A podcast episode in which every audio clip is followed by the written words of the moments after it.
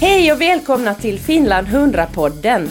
Jag heter Johanna Parikka Altenstedt och producerar för Ice Cream Consulting AB den här podcastsändningen från Umami-studion i Malmö i Skåne.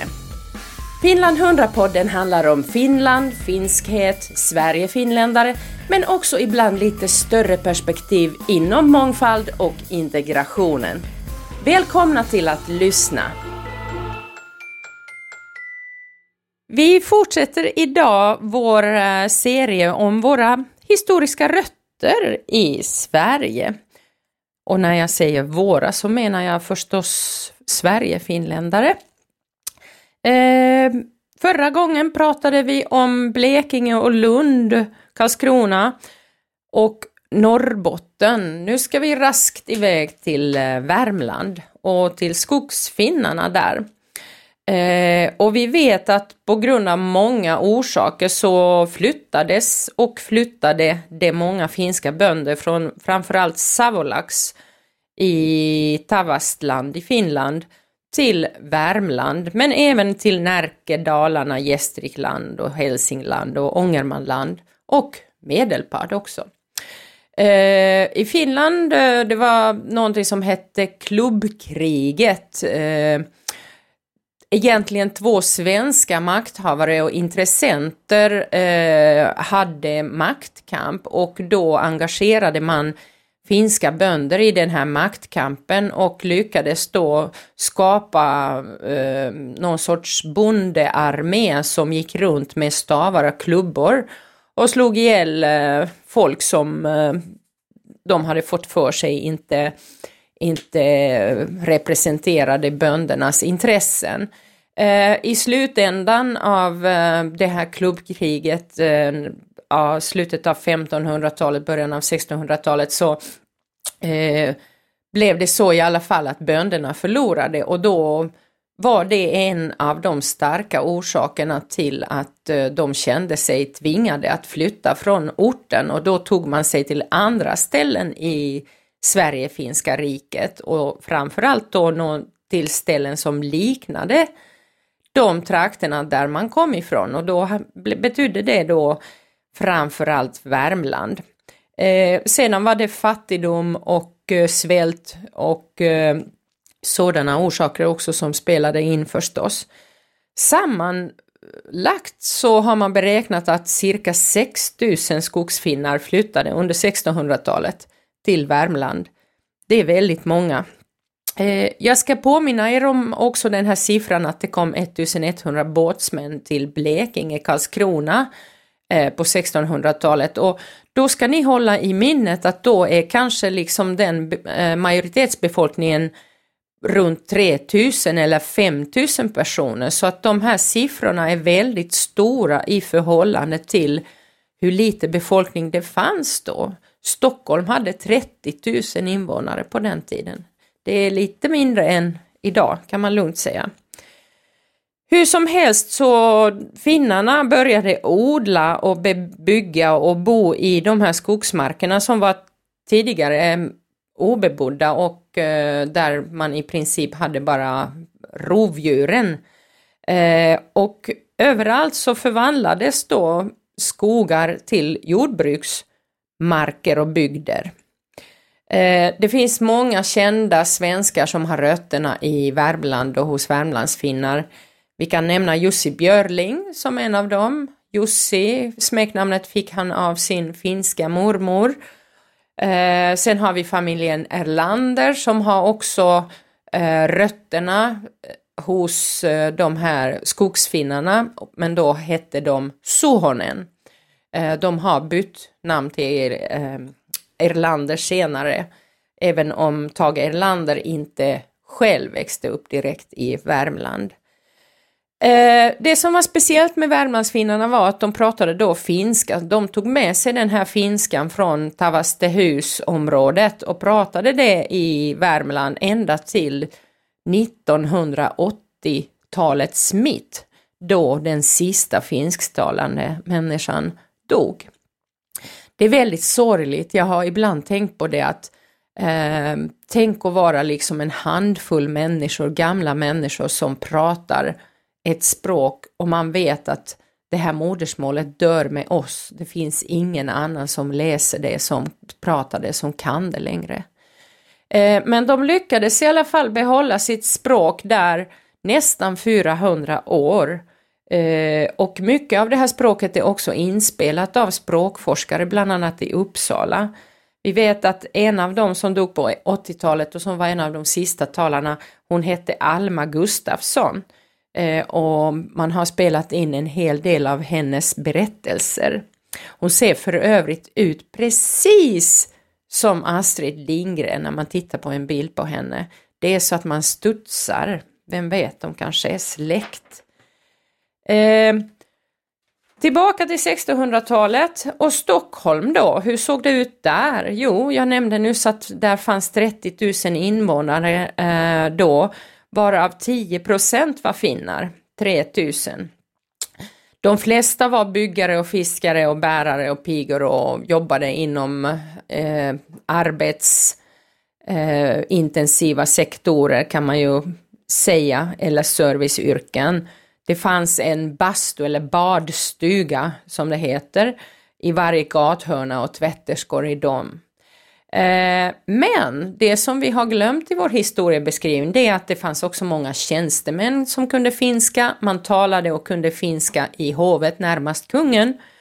Eh, och eh, självklart fanns det gott om finska präster och kyrkan såg ju till att Guds ord predikades också på finska.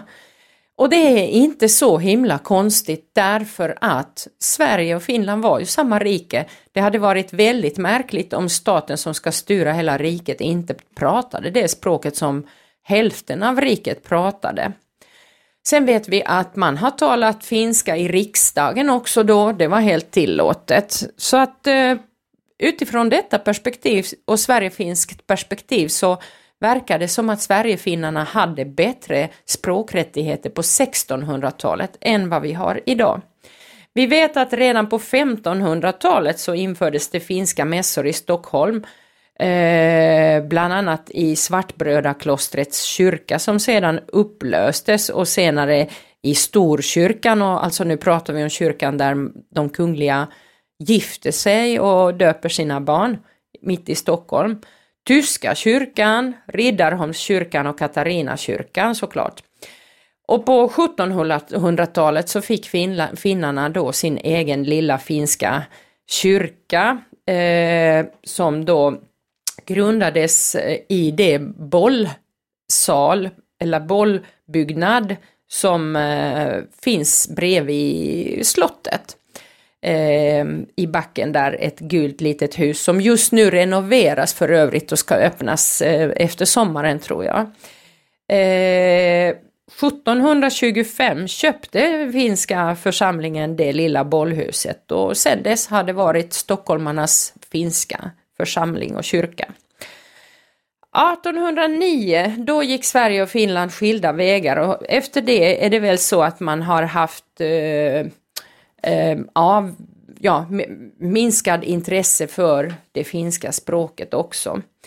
Eh, Sverige förlorade ju Finland i snopet till tsar Alexander den andre i ett krig som inte gick så himla bra kan man lugnt säga. En av de få striden som Sverige vann var Jutas, striden i Jutas, eller Juta nära ja, den ligger i Österbotten i Finland då eh, den 13 september. Eh, men annars då så gick det dåligt och de eh, finska trupperna, eller svenska kungens trupper, fick retirera från Finland till den svenska sidan och så småningom kom till Umeåtrakten där då von Döben från Björneborgarnas regemente ledde eh, många av dem. Vi vet att eh, kriget leddes dåligt och eh, bland annat Karl Johan Holm som var eh, senare präst deltog i kriget och följde vid general Sandels och har skrivit en väldigt kritisk bok eh, om hur kriget sköttes. Holm skriver i sin bok 1836 att det här kriget sköttes illa av svenskarna både strategiskt, taktiskt och operativt. Och den svenska krigsledningen hade noll koll. Eh, då hjälpte inte tapperhet på slagfältet, även om det blev fina diktningar av Runeberg. Vi vet att nationalskalden Runeberg faktiskt träffade Karl Johan Holm och tog eh, faktiskt eh, från Holm eh, fick inspiration till diktningen och fick bra beskrivningar av hur det faktiskt såg ut på, på fältet. Eh, det finska regementet som fanns i Gävle blev nu omorganiserade och ja, gällde ju de andra regementen också såklart eftersom Finland tillhörde Ryssland eh, och eh, hade blivit en autonomi. Finland eh, fick ju behålla sin konstitution från Gustav IIIs tid samt den protestantiska religionen och de lagarna och hela rättsväsendet som hade byggts under den svenska tiden. Så Alexander den andre var väldigt generös i sin synsätt, eller smart. Han kanske förstod det att börjar man ändra för mycket och rucka för mycket, kräva förändringar så kommer det här envisa folket ställa till problem för honom så att det är enklare att låta dem vara. Eh, Finland fick landdagar i Borgå hade man då de första och där eh, avslutades landdagarna med att Sarem besökte dem och eh, konstaterade att Finland är en nation bland andra nationer. Så någonstans där skapades den här idén av finsk nation, men det skulle ju dröja eh, mer än hundra år till innan man blev självständig. Hur som helst då, de trupperna som fanns i Sverige, de eh, skulle nu integreras till det svenska försvaret och eh, till exempel fanns det 250 män i Gävle som skulle eh, förflyttas till Kristianstad i Skåne. Och det var bara att sätta igång och marschera. Så 72 mil lång marsch blev det innan de anlände till Kristianstad i april 1811. Och eh, under tiden hade de då fått byta sina finska regementets röda uniformskragar mot de vita. På den tiden hade Finland samma färger som Skåne, det vill säga gul-röd flagga som idag fortfarande kan synas någonstans på Åland eller i Österbotten eh, på väldigt få ställen. Eh, så den blå-vita flaggan, den kom ju långt senare. I Kristianstad då helt plötsligt blev det många finnar eh, och man började höra finsk språk på gatorna. Och samma sak gällde där som i Karlskrona. De finska soldaterna ville ha en äh, finsktalande präst. Och på den tiden var ju präster mer än bara äh, någon som höll i gudstjänster. De skötte ju folkbokföring och mycket annat också. Det var liksom alltid alla administratörer på många sätt. Att ha tillgång till en präst som kan finska var ju fantastiskt. Det var liksom samhälls etableringsstöd och samhällsnavigeringsstöd man fick då. Von Döben då, han eh, tog tag i, i en penna och papper och skrev till kungen. Det här börjar bli ganska bekant eh, bekant eh, metod kan man ju se det genom historien. Finnar skriver till kungen och hans majestät svarar att han eh, ger en order att tillse att trivseln för regementets finska personal ökas. Och eh, bland annat då innebar det att regementet fick en finsktalande präst. Och stämningen där blev så bra att på 1820-talet så vet vi att det var två av de här finska soldaterna som kom dit ursprungligen eh, tio år tidigare som efter varann blev högsta chefer på regementet i Kristianstad. Von Döbens värja och sporrar och Savolaxbrigadens nattvardssjäl finns faktiskt idag på regionmuseet i Kristianstad. Det är inte många som vet det. Eh, by the way, Kristianstad ska uttalas Kristianstad och inte Kristianstad eftersom det kommer från den danska kungen Kristian den fjärde och Kristian eh, uttalas på detta vis i danska. Så, då har vi äntligen tagit oss till 1900-talet och nationsbygget som påbörjades både i Finland och många andra länder eh, och helt plötsligt eh, resulterade i massor av konst och studier och kultur som handlade om nationalromantiken, om språket, om den fantastiska historien som folket hade och tyvärr också till en idé att det egna folket är bättre än andra folk och där i ligger då fröet till eh, rashygien och eh, den typen av vidriga konsekvenser som det blev av. Maja Hagerman har beskrivit den här utvecklingen på ett alldeles utmärkt sätt i sina briljanta böcker. Läs dem. De är fantastiska. Nästa gång kommer jag prata lite mer om nutid och Sverigefinskhet här i Sverige. Var är vi idag? Hur ser det ut med språkrättigheterna? Men eh, för den här gången hoppas jag att ni har trivts med den här lilla historiska genomgången.